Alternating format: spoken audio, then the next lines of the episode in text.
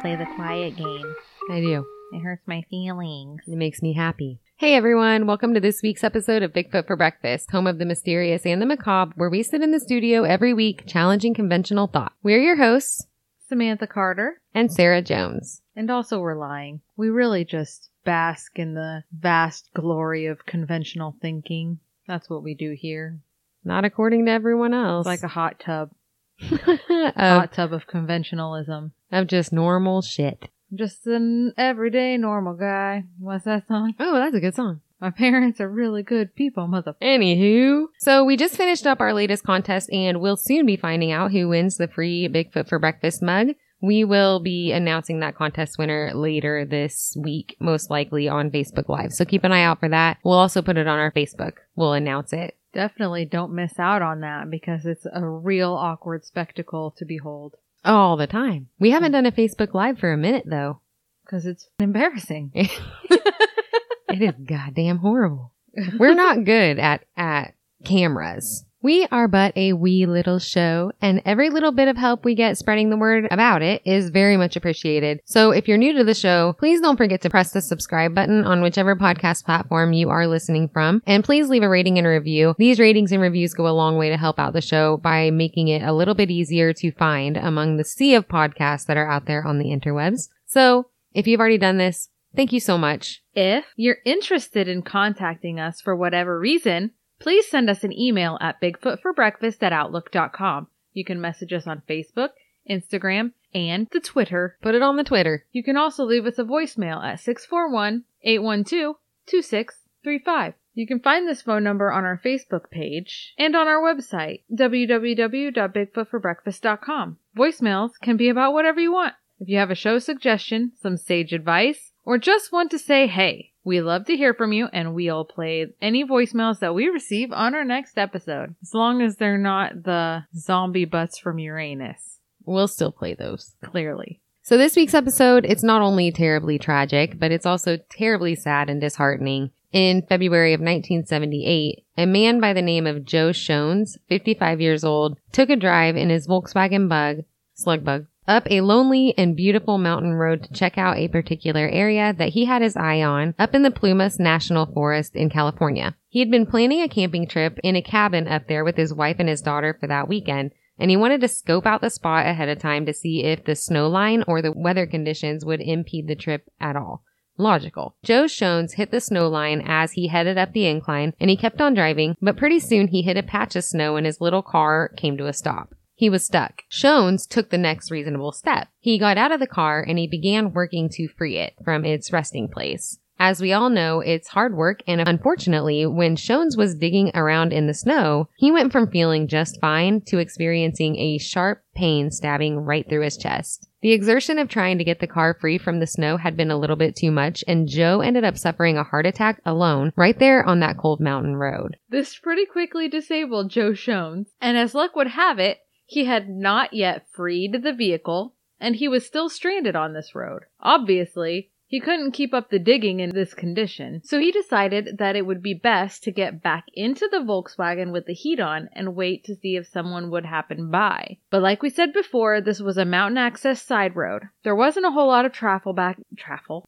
travel back and forth, so he ended up hanging out in the car, suffering his heart attack alone well into the night. He didn't remember the exact time, but at some point he was lying in his car, sick, in the dead of night on the mountain. He began to hear sounds off in the distance and whistling, but not like an animal. Hopeful, he got back out of his Volkswagen to listen for the sound again. Maybe he could hear where it was coming from and go for help. But when he got out, he saw what appeared to be headlights of two vehicles, a car and a truck. A little ways down the road and they were stopped. Outside of the vehicle, Joe said that he thought he could see people, what looked to be a group of men with a woman and a baby. Schons could hear the baby crying. They were close enough that Joe could hear them speaking to one another, so he called out loud for help. But seconds after he yelled, the headlights of the vehicles went out and everything went eerily quiet. Disheartened, Joe got back into his car, still very ill and not sure if he would make it through the night. He drifted in and out of consciousness. A little while later, he isn't sure how long, he awoke to light that appeared to be shining in his window, but this time it wasn't the headlights of a car. It was a flashlight. So again, he yelled out for someone to help him. But shortly after he called out toward the flashlight, the lights went out again and there was nothing but quiet. Think about this. You're lying alone in the pitch freaking black of a mountainside, which would be scary enough. But on top of that, you're suffering a heart attack. You're stuck there, wondering if you're going to make it, probably thinking about your family, hoping someone will come and find you. You also have to deal with the hope and letdown of these people who seem to appear out of nowhere and then hide from you every time you call out to them. I'm sure this was a very scary and frustrating situation all around for Joe Schons. Have you ever been outside in a desolate area like that? I try to avoid it. I love it. Especially in the mountains. It's crazy quiet. Beautifully quiet on a snowy night. If Joe was close enough to see and hear these people, they could, in my mind, definitely hear this man screaming for help. So why would they turn everything off and ignore his cries? Why would they at least not yell back? It's really weird. Schons had apparently said in an interview at some point that he was so ill and in so much pain that he thought maybe he was hallucinating all of this, and to this day, he still isn't sure that he wasn't. But it doesn't end there, not by a long shot. These people never did come back around, and eventually, Schons' car ran out of gas. This was a really bad deal because it's super cold up there in the mountains, and he now obviously can't stay there and freeze to death. It's incredibly dark, so he decided that it would be best to leave the car and try to walk for help. On the way back down the mountain, as he trudged through the snow on the road, he got about 20 yards away from his vehicle and he saw that there was a car sitting in the middle of the road. Windows down, it was a 1969 Mercury Montego. That's weird. This is about the spot that he had seen those two sets of headlights shining earlier in the night and he saw those people. The group of men and a woman and a baby. So if he had been hallucinating that these people were here, why was there a car? Physical evidence of people that he had not seen when he came up the mountain the first time. No one was at the car now, and it sat there in the quiet dark, so Joe just kept going right on by it and not paying it too much more attention. Obviously, he had his own emergency to deal with, and it was a pretty significant one. He ended up walking eight miles before he found assistance, and just so we're clear, Joe Schons did end up being diagnosed as having a heart attack up there, and we're really happy to say that he did make a full recovery. But that's about the only happy part about the entire situation, because Joe just happened to be in just the right place at just the right time to bear witness to some really unexplainable things. He didn't even know how big it would be until later those people he saw up there in the mountain road in the middle of the night would end up being a small but important piece to a very big and peculiar puzzle. See, that old Mercury Montego that Joe had seen sitting in the middle of the road was actually a pretty special car to someone else. There was absolutely no explicable reason for that car to have been on the road at all, let alone that time of night. Earlier that evening, a man named Jack Madruga had taken his beloved Mercury Montego on a little trip with four good friends to see a basketball game that they had all been looking forward to. Jack Madruga, Ted Weiher, Jack Huett, Bill Sterling, and Gary Mathias all attended the same developmental and rehabilitation center called Gateway back in their hometown of Marysville, California, and they had become good friends.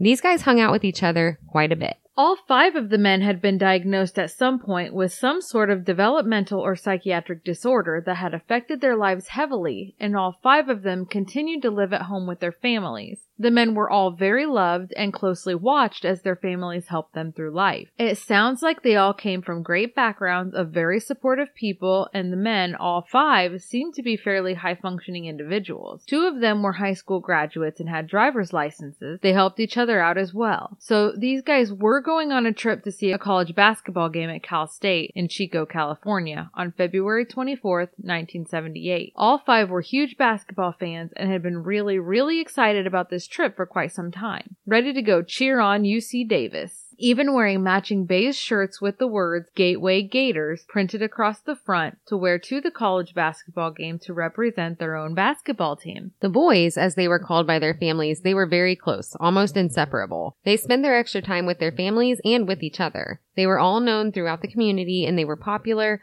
often referred to as the studs of the community. They were described as nice guys, easy to get along with. They weren't a problem with law enforcement. They were friendly and well liked people from good families. The Gateway Gators was a team sponsored locally by the program for the mentally disabled that they all attended. They were supposed to have come home the night of the game because they were scheduled to play their own game the very next morning. And this was important to all of the guys because the men had been working to qualify for the Paralympics. This was a regional tournament, so it was an important step toward that qualification. Also, and what they were super excited about, if they won this regional tournament, they would also win a week long trip out to LA. So it seems as though they were really bonded over this love of basketball, and this is what brought the group together as a whole. So although these guys had some sort of developmental disorder, with the exception of Gary Mathias, who was schizophrenic, they, they were all pretty different in their personalities. So we want to talk about each one of them individually just a little bit to give you an idea of who they were as people. Author Jesse Dixon wrote a book on the incident called the Yuba County Five, in which he described them pretty well from speaking with their families. So we got a lot of information about them from him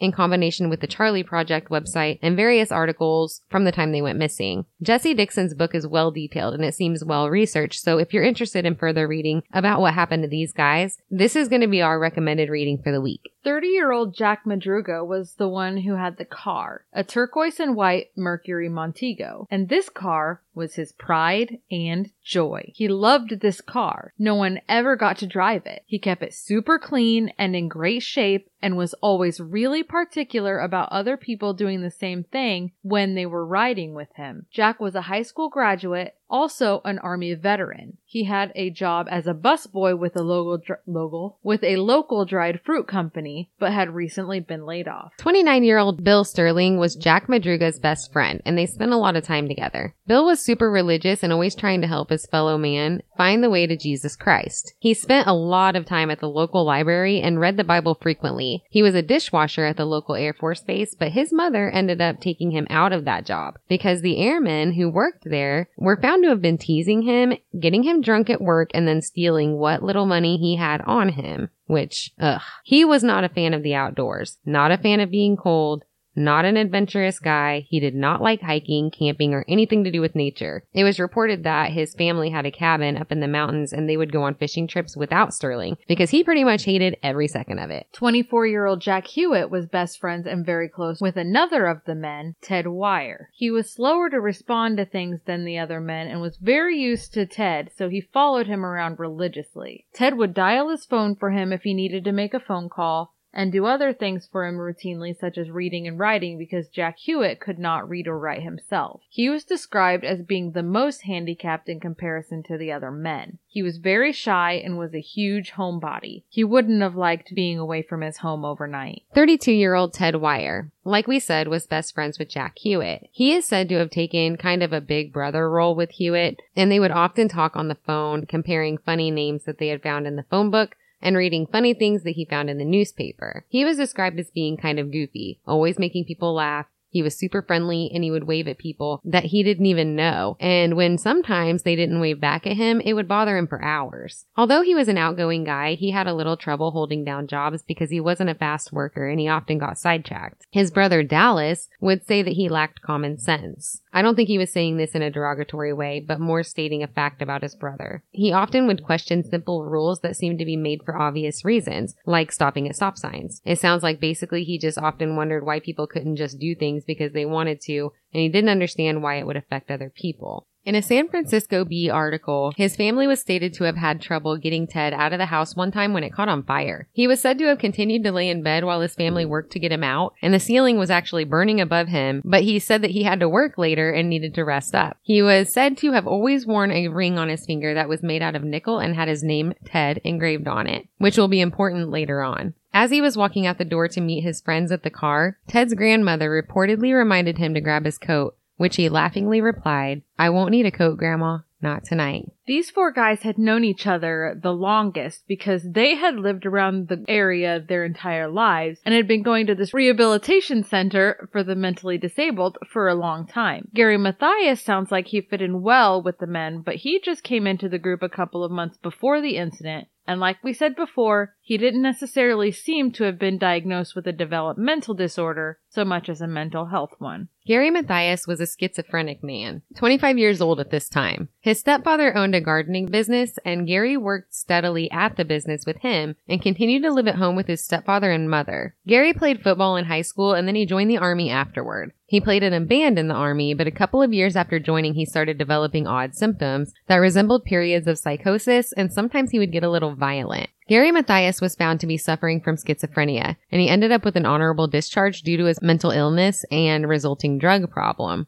Schizophrenia typically develops in people in their late teens or 20s, and often the person is developing symptoms and doesn't know what's going on. They had always been fine before. They find themselves depressed and they feel like they're losing their minds and often turn to drugs. After the army, Mathias had some trouble regulating his schizophrenia and landed himself in trouble, followed by a short stint in prison. Since then, he had been regulated on his medication and had done really well on it, taking it very regularly, and he had basically been in remission from any real issues related to his mental illness. Mathias had not, however, taken his medication along with him to the ball game because he had planned to be back that evening in time to take his next dose. The five men all planned to be back that evening because they actually had a big game coming up themselves the next morning. They played basketball for the Special Olympics, and this game was a really important one. Gary Mathias reportedly fervently reminded his mother to make sure that he didn't oversleep the next morning so he could make it to his game since he knew he would be late getting back from the trip to Chico. So that morning, the boys, as they were lovingly called by their families, they left for the game in Chico, California together. All five men piling into Madruga's Mercury Montego for the trip that they had been looking forward to for a long time. The atmosphere was good.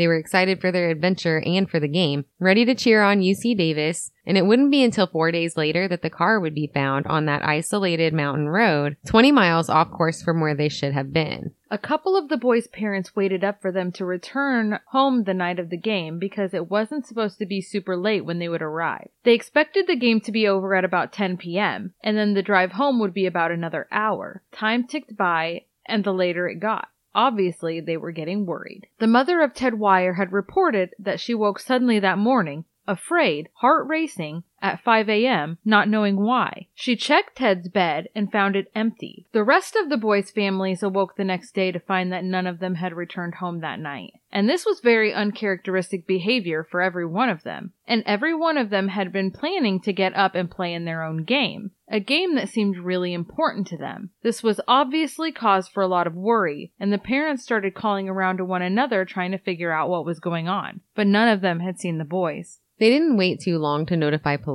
Given the circumstances, the police rushed to get the word out. And about the same time that this was going on, Joe Schons was just arriving at the mountain lodge to get help for his heart attack. He was so consumed with what he had been through and trying to make it through his medical condition that he didn't even think of the car that he passed when he was walking on the road. Four days later, a park ranger reported that the car was sitting in the middle of the road because he had heard about the missing men. And even though this area wasn't an area in which they were expecting the guys to have been, the police went up that mountain road anyway. Lo and behold, there it was, sitting there like an ominous prediction of bad news. In the middle of the road was Jack Madruga's Mercury Montego windows down, empty, and definitely way off course for where these guys were going. Why was it there? Where were the guys? It wasn't until a few days later when Joe had been treated and was recovering that he saw a notice in the local paper regarding the five missing men from Yuba County and a description of Madruga's car that sparked his memory. Schons called the cops to report what he had seen. Inside of the car, they found snack wrappers, and that was about it. One of the candy bars was still half in its wrapper and was lying on the floorboard of the car, looking as though it had been dropped in a hurry. The snack wrappers were consistent with a reported sighting of the men that took place immediately after the game would have ended. A clerk at a convenience store called Bears Market remembered seeing them that night as they stopped into the store appearing to purchase snacks for the drive back home.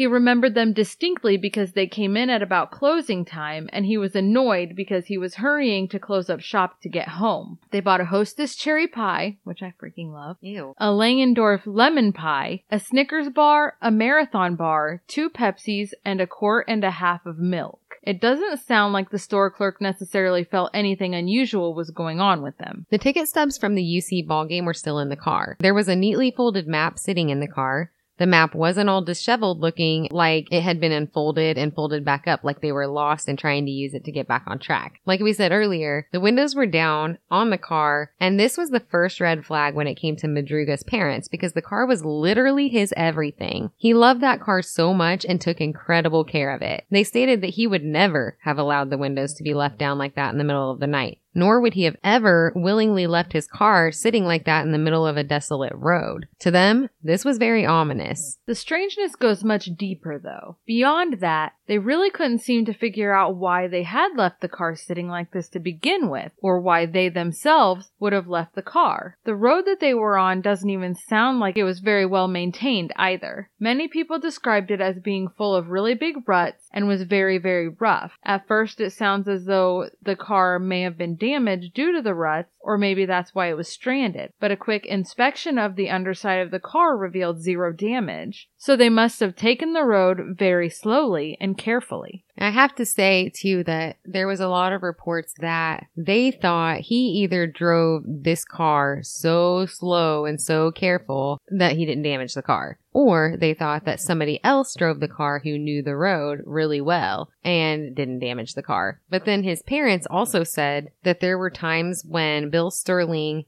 needed a ride home and if the weather was snowy or bad at all, or his road was bad, Madruga wouldn't even take him because he didn't want to risk doing any damage to his car, even to take his friend home. So why would Jack Madruga take his car up this mountain road for no reason that would have definitely damaged his car had he hit just the right rut? It didn't appear to have been stuck in the snow either. According to the police, the keys weren't in the vehicle, and at this point, they had assumed that the car must have been broken down, but they had to get it off the roadway, so they decided to go ahead and hotwire the vehicle so that they could move it. When they did this, it started right up, and it drove right out. Obviously, this totally baffled everybody. If the car wasn't stuck, and it wasn't out of gas, and it wasn't having engine problems, why did they leave the safety, comfort, and warmth of a vehicle and walk out into the dark, extremely cold night on a desolate mountain. And we know that they left the car during the night because when Joe Schons walked past it trying to get help from his heart attack, it was empty. If you've heard our pilot episode, the one about Dyatlov Pass, you will understand this next part completely. This incident has been referred to several times, noted throughout our research, as the American version of Dyatlov Pass. Because similarly, those people inexplicably left the comfort and safety of their tent on a cold wintry mountainside and for whatever reason opted for the cold, dark night instead just like the men in this situation. Did something scare them so much that they felt like taking their chances in the freezing cold weather at night was a better idea than remaining at their vehicle? Were they threatened by someone who was with them to get out of the vehicle? Joe Schons had said that he had seen a woman and a baby with them.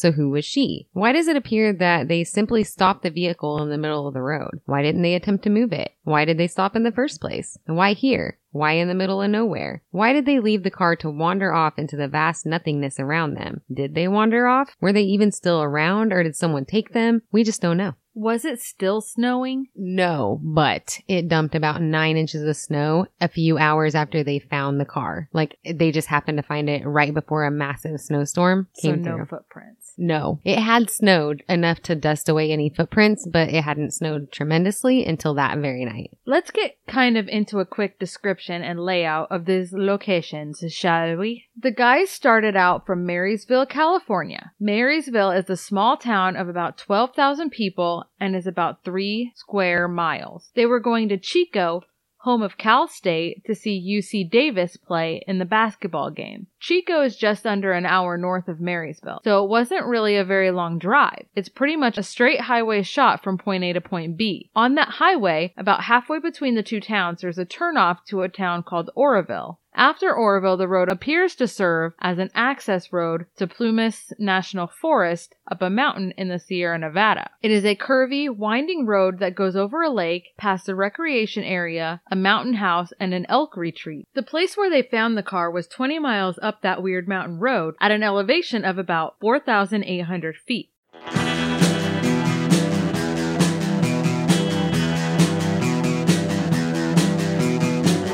You're listening to the Prescribed Films Podcast Network, home to hundreds of hours of free podcast entertainment. The shows on this network all have a common goal providing you with the best discussions about movies and other forms of entertainment media. The PFPN hopes to fill your earholes with audio joy.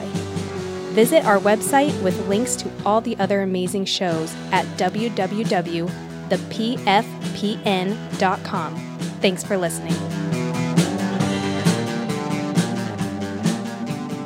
It's confusing why the car would have been on that road in the first place because navigating their trip was so simple. They really just needed to stay on pretty much the same highway from Maryville to Chico. The road that they ended up on was a deliberate turnoff of that route. When the car was found, it appeared that they drove up the mountain road, hit the snow line, and simply came to a stop in the street. Looking at the map, it seems like they would likely not have just accidentally got lost and ended up here. Say they had been lost though. Think about how a person commonly behaves when they are lost. I know when I'm lost and trying to figure out how to get back to a familiar point, I do some driving around to get back on route. These guys made no turns off of the road after they started their incline into the mountains. They didn't even attempt to simply just turn around and head straight back down the road to the highway they had come off of.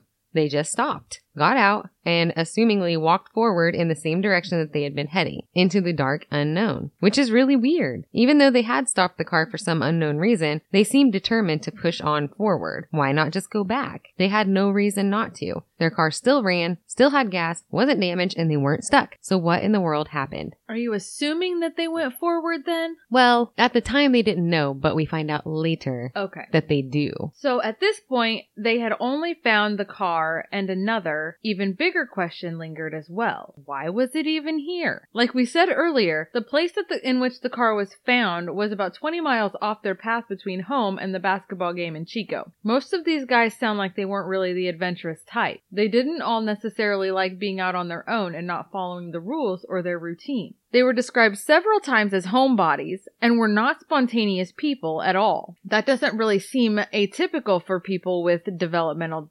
disabilities. They've always needed a certain amount of help in their lives. They've depended on people that they trust. They don't like to veer too much onto their own. So I would think that this little sidetrack would have stressed some of them out, and it wouldn't be unreasonable to think that they likely weren't excited to be doing this. It's definitely uncharacteristic for any of them to have done this. Family members were super surprised as well because it was said that the boys weren't really even familiar with the area at all. The only one of the boys who had ever been to this mountain was Bill Sterling. Like we said earlier in the episode, he had gone on a fishing trip with his father and he didn't really find it to be particularly enjoyable. He pretty much said that he never wanted to go again, and he hadn't. So it wasn't likely his idea for the guys to go up into that mountain in the dead of night. Essentially, months went by before that thaw happened. The police in the area were fervently searching for these guys. They spent over 6,000 combined hours searching, bringing in horses, helicopters, dogs, and snowcats. Which I assume is like a skid loader type of. I have no idea what a snowcat is. It's a trained, It's a skilled machine. cat It could be like a leopard. for sniffing out people. We don't have those in Iowa.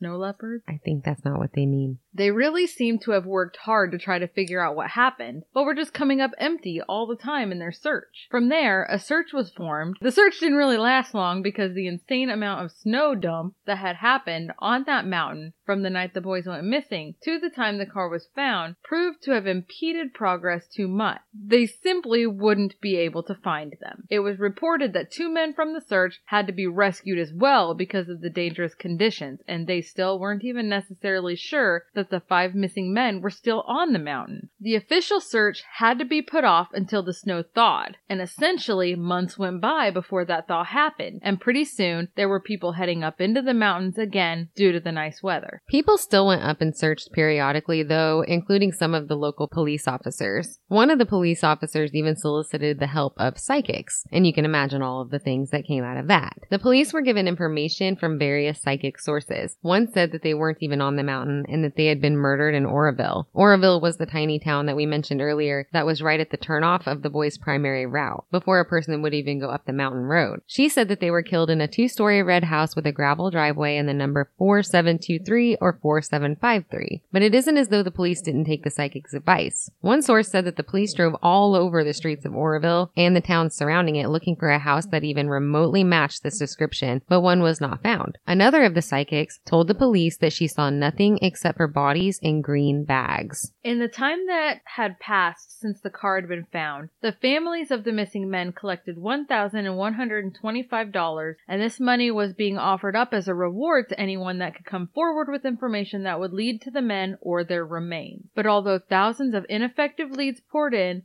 no one really came forward with anything helpful or credible. Later that year in June, a group of motorcyclists were driving along the road when they came across an old Forest Service trailer and they noticed that a window had been broken out of it. They decided to see what was in it. The group got a big surprise when they opened the door and immediately were hit with the very, very strong smell of death. One of those people did a quick look inside and unfortunately caught a glimpse of a decomposing body lying inside of the trailer on a cot. They decided that it would be best to shut the door and notify the authorities of what they had found. The investigation took place immediately, and although you would think that this would yield some answers, it really only served to create many, many more questions and a lot more confusion. When the investigators entered the trailer, they found 32 year old Ted Weiher, the oldest of the group, lying on the bed inside. He was wrapped tightly in eight bed sheets, even his head, as though someone had tucked him in there on the bed. His pant legs had been rolled up above his knees, and this allowed for obvious sight of gangrenous injuries likely due to severe frostbite on both legs, as well as frostbite so severe that five of his toes would have been amputated had he survived. On a bedside table next to Ted was a necklace that his family identified as one that he wore regularly, and his nickel ring that he always wore, which was engraved with his name. On that same bedside table there was also a watch, a gold Waltham watch that no one from any of the families could identify as being one of the boys' things. The crystal was missing out of the watch's face. The watch would be explained away as it could have belonged easily to one of the Forest Service workers that had stocked the trailer. Ted's wallet was on the table as well, with all of his cash still inside. But there were so many things wrong with this entire scenario. Let's go through them. The horrifying reality of the situation turns out that Ted Weiher actually appeared to have been alive for weeks after the men initially went missing. The final consensus was that Ted had ended up passing away from a combination of both exposure and starvation. But here's the thing about that. The Park Service station that he was found in was stocked full of every single thing that those men would have needed to easily save their own lives. There were MREs, blankets that weren't used, a small heater that was never turned on. There was a fireplace in the trailer with kindling, stacks of paperback books, and matches readily available, and no one had even attempted to light it. The window that would have been broken for them to enter the trailer hadn't even been covered up to keep out the bitter cold. It did appear that someone in the trailer had opened about a dozen cans of goods and eaten them, but there were hundreds more cans unopened there and available, just left untouched. What's more, the can opener that was available in the trailer was a military style P38 can opener, which is apparently difficult to use, and unless you've been taught to use it, you're unlikely to get anything open. These cans had been open with that apparently complicated contraption, so it's thought that Gary Mathias had made it to the trailer with him. His time in the army would have allowed him to have used this type of can opener many times in the past, so he would have been familiar with it. Not only was this locker present and full of canned goods, had they opened the other locker right next to it, they would have found enough MREs of Mexican dinners and various other dehydrated meals to last each one of them a year. When the boys went missing, Ted was a really heavy-set guy. It was said in almost every article that we read about this case that he had been alive in that trailer long enough to have lost between 80 and 100 pounds prior to his death. He also had quite a significant amount of beard growth from the last time that he was seen as well. Investigators estimated that Ted Weiher had laid in that trailer anywhere from 4 to 13 weeks before he succumbed to his wounds and the elements. Ted Weiher's heavy leather shoes were missing from his feet. His feet were severely frostbitten and swollen, so this may account for why his shoes were removed. Gary Mathias's tennis shoes were found inside the trailer with Weiher's body. So it's speculated that maybe Gary had gone out for help and took Ted's heavy leather, warmer and more durable shoes instead of his own tennis shoes. Really makes a lot of sense. From the looks of the trailer, it appeared that someone had been attempting to care for Weiher by keeping him warm and attempting to feed him. The most outrageous part to me is that this trailer in which Ted was found was actually dang near 20 miles further down the road than where they found the car. Wait, was it dang near or pert near? It was pert near, to be honest. Okay, clarify. They say 19.4, so I feel like that's pert near, and if it was closer to 20, it'd have been dang near. there we go. We gotta round it. 19 miles these boys had to have walked in the snow, and this is not easy terrain. This actually sounds pretty treacherous to navigate. This would have put them walking through that storm that dumped 9 inches of snow on the mountain as well. Why? The police searched on to locate the other four men. The bodies of best friends Jack Madruga and Bill Sterling were found after scent dogs alerted from the back of a pickup driving slowly down the road and were actually found just off the road 11 miles away from the car. It was described as though it looked like all five men had been walking together and that maybe these two had never even made it to the trailer and died of exposure long before reaching it. They were lying beside a paved area of logging road. The remains of Sterling were partially eaten by animals, and the body of Madruga had been dragged to a nearby stream by animals. His keys were in his pocket when he was found. This leaves the youngest member of the group, Jack Huett, and Gary Mathias still unaccounted for. It looked as though other men, especially Mathias, had made it to the trailer with Ted Weiher, so they continued the search around that area. An article in the Sacramento Bee stated that Jack Huett's father insisted on helping during the search effort to find his son, even though, once bodies were actually being found, he was asked to stop attending. No one wanted him to be the one to find anything. Jack Huett's father continued to come and search, and sure enough, Huett's body was eventually found, supposedly by his father, under a manzanita bush. I say supposedly because the bigger newspapers have reported it this way, but a few of the smaller, more local papers reported that while his father did attend the search, it was actually his brother-in-law who made the discovery. Either way, whoever actually found Jack Huett didn't find much. What remained of his son was only the backbone. He had seen Huett's coat lying on the ground and ran over to pick it up, but as he did, the man's bones fell out of the coat. Animals had gotten to Huett's body, hopefully after he had passed. In a local newspaper article, they stated that they had not identified Huett initially, but that they had also found some evidence that led them to believe that they were on the right track to find the fifth body. Huett's skull was soon located and the identification was made by his teeth. From the amount of food that was eaten in the Forest Service trailer, along with the fact that Ted Weiher appeared to have been cared for by somebody, Gary Mathias' shoes being present in the trailer, and where Huett's body was found, it further seemed obvious that Mathias and Huett were with Weiher at the trailer for a while, but then for some reason, they left the trailer full of supplies and everything that they needed for safety to trek out into nothingness, the same way that they left the car. But why? Maybe they went for help. Maybe they thought they would be right back. There seems to be speculation a couple of different ways here. And we have to talk about speculation because that's literally all we have. Some think that they took care of Ted Weiher at the trailer because he was so frostbitten and in such bad shape that he was simply unable to push forward, and then left the trailer because Weiher had passed away. Maybe once he had died in there, they didn't want to remain in the trailer any longer themselves, and they pressed on thinking that they could find help.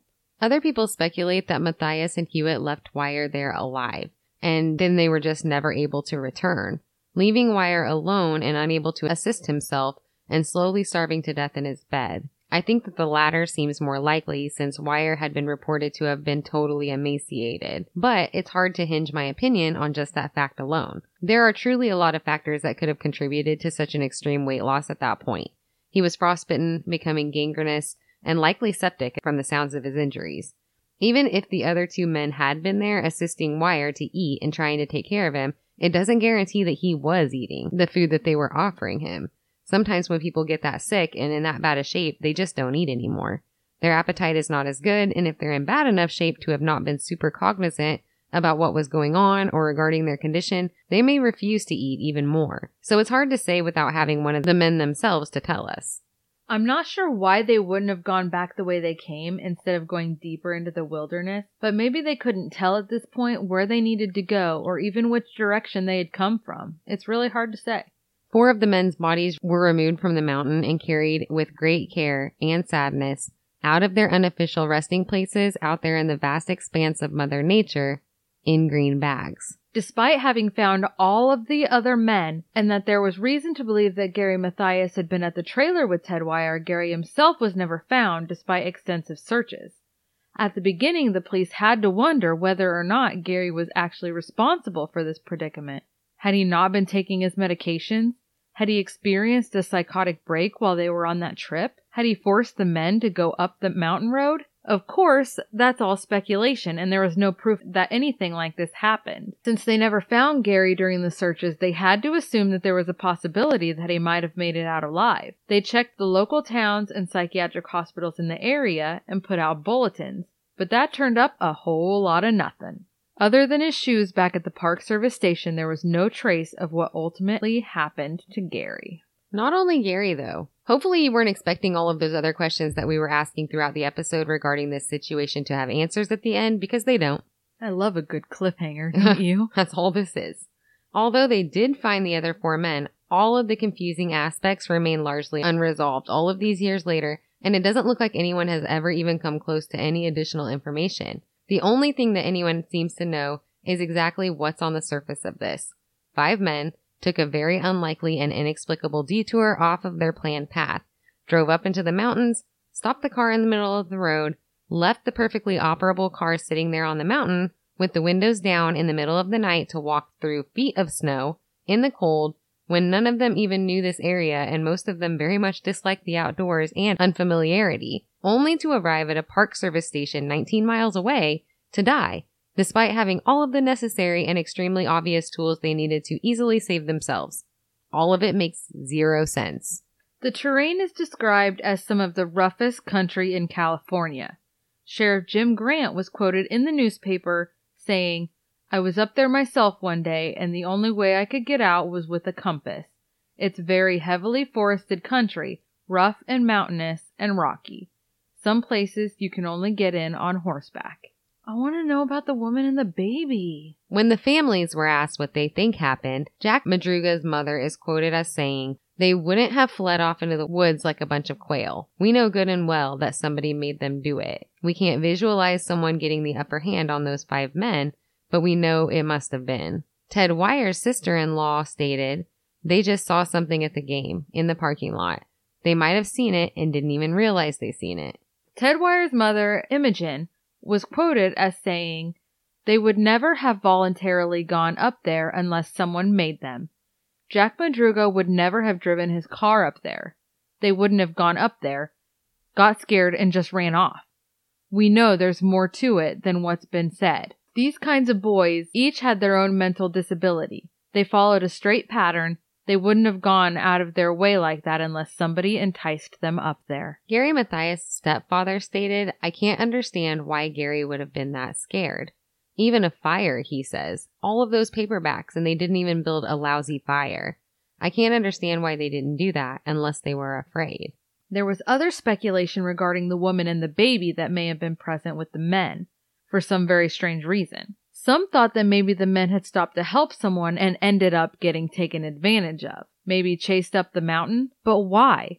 The car was still there. No one took it. The men still had money on them. Other folks talked about the possibility that the men had probably went places before by themselves periodically and had done fine because nothing ever really went wrong. This time, really anything could have happened. It's hard to say how they ended up on that road in the first place, but once they realized that they were in an unknown area on a poorly maintained, dark and scary road that they weren't familiar with at nighttime, and then on top of that hitting the snow line, maybe they just panicked, and everything they did after that was just irrational fear. Many articles we read stated that these men were all very high functioning, and it sounds like they truly were, but when placed in situations that were complicated, difficult, or stressful, their rationale would quickly deteriorate. The primary investigator on the case and county undersheriff did make the comment as time goes on, it looks more and more like foul play. Given the bizarre circumstances of the situation, I could see where he would think that, although the bodies that were found provided no evidence of foul play at all. They said that so many times throughout the research, but then I was reading that there was dang near nothing left of the bodies from the animals, so I don't know. I don't know. There must have been enough to tell, but who How knows? you know? Yeah.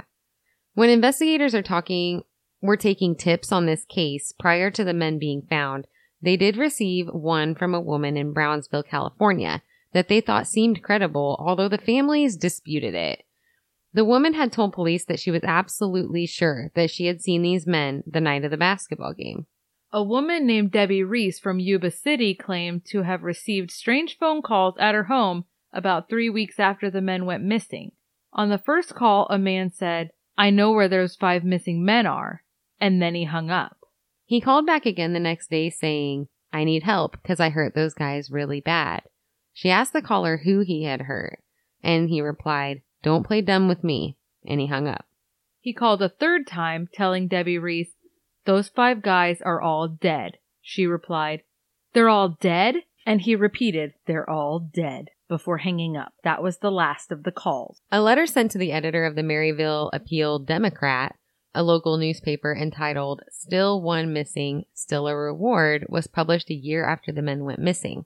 The letter is signed by all of the parents of the men, with the exception of Jack Madruga's parents. The letter reads Editor. Does it seem as long as a year ago, February 24th, 1978, when five young men disappeared from our area? To all of the parents and families of each, it has been longer. A lifetime. Each of us had a share of fear, pain, and sorrow. But we've also received a lot of sympathy and love from friends and even people we've never had the opportunity to meet personally. Please let us say thank you to all of those people who gave us their time, worked, and efforts for the recovery of the four that were found. Also, let this be a reminder to all that one, Gary Mathias, has never been located. Please don't stop looking or let time dim your memories of the men who lived in your midst the majority of their lives. There is still a reward fund being held at a local bank and it will remain there until all five men are accounted for. A lot of questions have never been answered and possibly never will be. Why were they in the area where they were found? Was someone chasing them? Who was in the pickup seen parked behind their car? Why did they leave the car and wander off into the snow when they could have easily driven back down the same road they drove in on? The car was not stuck in the snow, as was reported. They each had some problems, but stupidity certainly wasn't one of them. Why did Butte County Sheriff's Department refuse the help of the forest rangers to go to the trailer camp with snowmobiles in March? At least one, and maybe others, may have been rescued at that time. Questions, but no answers. Bitterness, some. Anger, sometimes. Bewilderment, always. When your son leaves home with friends to go to a basketball game, do you always put your arms around him? give him a kiss, and remind him how much you love him, you really should. He may never come back to you. The case was frustrating for all people involved, and as much as I thought from reports and not being from the area that the police handled the situation the best that they could, it doesn't necessarily seem that all family members feel the same way about that. Granted, the family members are grieving, and the fact that Ted Weiher likely lay alive inside that Forest Service station suffering for as long as he did in addition to the likelihood that Gary Mathias was also in there for quite some time, would be heart wrenching.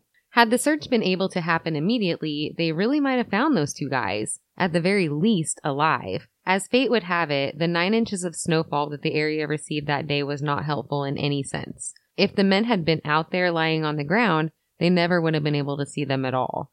Not to mention the fact that getting around in that snow on the mountainside was not only nearly impossible, but very dangerous for searchers as well. Authorities have to make a reasonable decision in these situations, and unfortunately, the one that they made might have been reasonable in a lot of ways, but also very difficult to understand when it comes to the loved ones of these men. We weren't there, so we're going to have to reserve judgment. A couple of big things, though, that caught our attention when reading this letter from the parents. One, the parents seem irritated that police and media have portrayed the men as being stupid, and it seems that the parents felt that the extremely confusing and inexplicable parts of the story were dismissed by authorities as happening just because the men were stupid. These men had some disabilities, but most of the men were very high functioning and mostly rational people. Otherwise, we doubt that they would have let them go off on their own in the first place. Gary Mathias and Jack Madruga were both in the Army. They would have learned some of these basic survival skills there. It is strange that they just seem to wander off into the woods completely irrationally and not use a sliver of even the most basic survival skills or the resources that were available for them to survive. The family seemed to believe that the men were definitely intelligent enough to have used these things in order to try to save themselves. I did think about the fact that maybe they were too scared to start a fire. Like if someone else was out there, Mhm. maybe they just didn't want to draw attention to themselves at the trailer. I don't know. Who knows? We hadn't seen this reported anywhere except for the letter from the parents. So we were a little taken aback by their question to authorities regarding why Butte County Sheriff's Office refused the offer from the park rangers to use snowmobiles to go out and check those particular trailers. This is disturbing and very sad because it's thought by most that Ted Weiher lived close to 13 weeks in that trailer, slowly dying and suffering. This would have put him passing away in late May. Guys, he was found in June. I've seen it reported many times that it's believed that Ted Weiher passed away only about nine days from when they found his body. Nine freaking days. We don't know the whole story behind why the Park Service station wasn't searched. Maybe it was a safety issue. We saw it posted unofficially on a board that the police had dang near lost a couple of guys trying to search in the nine inches of snowfall. So it's possible that this is why they had to put off the search. It's possible that if the police didn't feel safe going up to search, they likely didn't feel comfortable sending park rangers out there either. Oh, not to mention the fact that this trailer was 19 miles from the car. So they probably felt that it was super unlikely that they ever would have made it to that trailer. So why would they be sending people up there in the dangerous snowfall to search it? You would think park rangers are more equipped for that yeah. search. I kind of thought the same thing. It was it was kind of just jacked up, but like I said, I don't know. I don't know what the terrain was like. You know how dangerous it would be. And then the cops are probably thinking, "There's no way they made it 19 miles in that," but they did. But we totally see where these families were coming from because if some of those boys were alive in that trailer for that long, it's a damn shame that it wasn't. But what about the fact that the first witness on the mountain saw two sets of headlights, one of which he thought belonged to a truck, and the witness who saw the men driving a truck and using a phone at the gas station? So the witness who saw the men driving a truck and using a phone at the gas station, remember earlier when I said that someone in Brownsville had seen the men? Mhm. She called in a tip. Well, this is that person. This is what she saw. She swore it was them according to their photos, but she said that she saw Huett using the phone. The man who had a known aversion to the use of phones. His family made and took all of his phone calls for him, even from his friends because he simply would not speak on the phone. And the fact that they were driving someone else's truck seems unlikely to the families. Plus, Madruga wouldn't have left his car, and this car wasn't seen at the gas station. It's weird that this sighting happened, along with the fact that Schons witnessed what he thought was a truck on the mountain. Mm-hmm. Schons also said that he was in such bad shape that he thought he might have hallucinated some of what he witnessed that night. But then, why would the evidence of the car have been there on the mountain if none of that happened? There's a lot of speculation about the fact that Gary Mathias was never found. In addition to the fact that he was not mentally disabled, but a schizophrenic, there's a camp of people who seem to believe that Gary Mathias was the one who led the men up into the mountain and into the darkness to their deaths. I can definitely say from my standpoint that there is not even close to enough evidence to tell me that this is true. It's a harsh accusation to make. In my opinion, and not just one that I'm willing to buy into. The men appeared to have gone willingly. There was no reported signs of a struggle. Two of the men appeared to have died from exposure on the way up to the Park Service station. Ted Weiher seemed to have died of exposure and starvation, but it did look like someone was attempting to care for him. It wasn't a violent death. Huett appears to have died while trying to walk to get help after he had been at the trailer, possibly. The bodies that were found outside had been torn up and dragged around by animals, and I feel like it's very likely that Gary Mathias passed as well and that his body may have just been hidden a bit better than the others by the thick underbrush on the mountain. It doesn't sound like even one of the other family members in any of these families is under this impression, and they know these boys the best. I do see where some people are going with this idea. If you looked into Gary's past, during the time that he was initially showing symptoms of mental illness, before it was officially diagnosed and he was on a regular medication that worked, he did have a history of violence, threats, and psychotic behavior. This may very well have come into play in the weeks that they were in the trailer. But when the first decisions were made to have left the route and go to the trailer, he was doing well and medicated. So I don't feel like that's logical. It seems like in situations like this, it's easier for people to focus on something more tangible, a villain of sorts, than accept it just being something unexplainable. Now, while I say that, I do think it's possible that Gary Mathias's condition could have been a huge reason for the slew of irrational decisions that seem to have been made at the Park Service trailer, as far as not using the supplies that would have saved their lives. Mathias was doing really well on his medication from the sounds of it, but he had also missed several doses at that point. It isn't unreasonable to think that he was not likely thinking clearly. He may have been having a psychotic break with the combination of the group's condition and the missed doses of medication considered. With there being evidence that Mathias had been in the trailer, he may have been not making rational decisions that led to the death of the other two men and himself if they had been listening to him. After the death of Weiher, a schizophrenic person may find it too stressful to remain at the trailer with the body and have talked Huett into going with him to get help or just to escape the situation at the trailer with no rationale. Who knows? There are so, so many ways this whole thing could have gone down, and like the family said, we may never have the answers. Imogen Weiher, Ted's mom, made the comment in one of the papers about how she doesn't sleep well anymore, saying, I keep wondering what happened that night, why they left Chico and went up there. Then I got to thinking about how long he was there, how cold he was, and I just can't sleep. So that's it for this week's episode of Bigfoot for Breakfast. Don't forget to push the subscribe button on whichever podcast platform you happen to be listening from. And please leave us a rating and a review because we really appreciate those. Find us on Twitter, Instagram, and Facebook. Follow us on there. You can also email us at bigfootforbreakfast at outlook.com and look for us on Facebook Live later this week for an announcement of a contest winner. Glitter! You can call and leave us a voicemail if you have anything to say. It is 641 812 2635. We'll play it on the next episode if you leave one, so we really welcome those as well. Thanks for listening. Have a good day. Bye. Bye.